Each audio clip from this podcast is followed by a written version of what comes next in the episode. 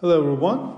I would like to give you more information regarding uh, the course Contemporary Political Thought, PSIR 302. Now, this course is designed to provide students with a grounding in contemporary political thought and ideologies. Uh, students will have exposure to various views on liberalism, conservatism, socialism, nationalism, anarchism, fascism, feminism ecologism, religious fundamentalism, and multiculturalism.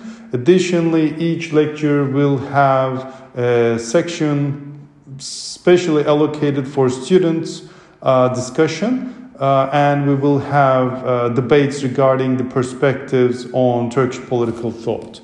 Um, the course aims to demonstrate an understanding of the central themes of liberalism and a number of different types of ideologies. Um, it also allows students to discuss the rise of major ideological transitions in Turkish political thought. And also, the course will allow the student to assess the impact that various political ideologies have had on law, economics, international relations, and society.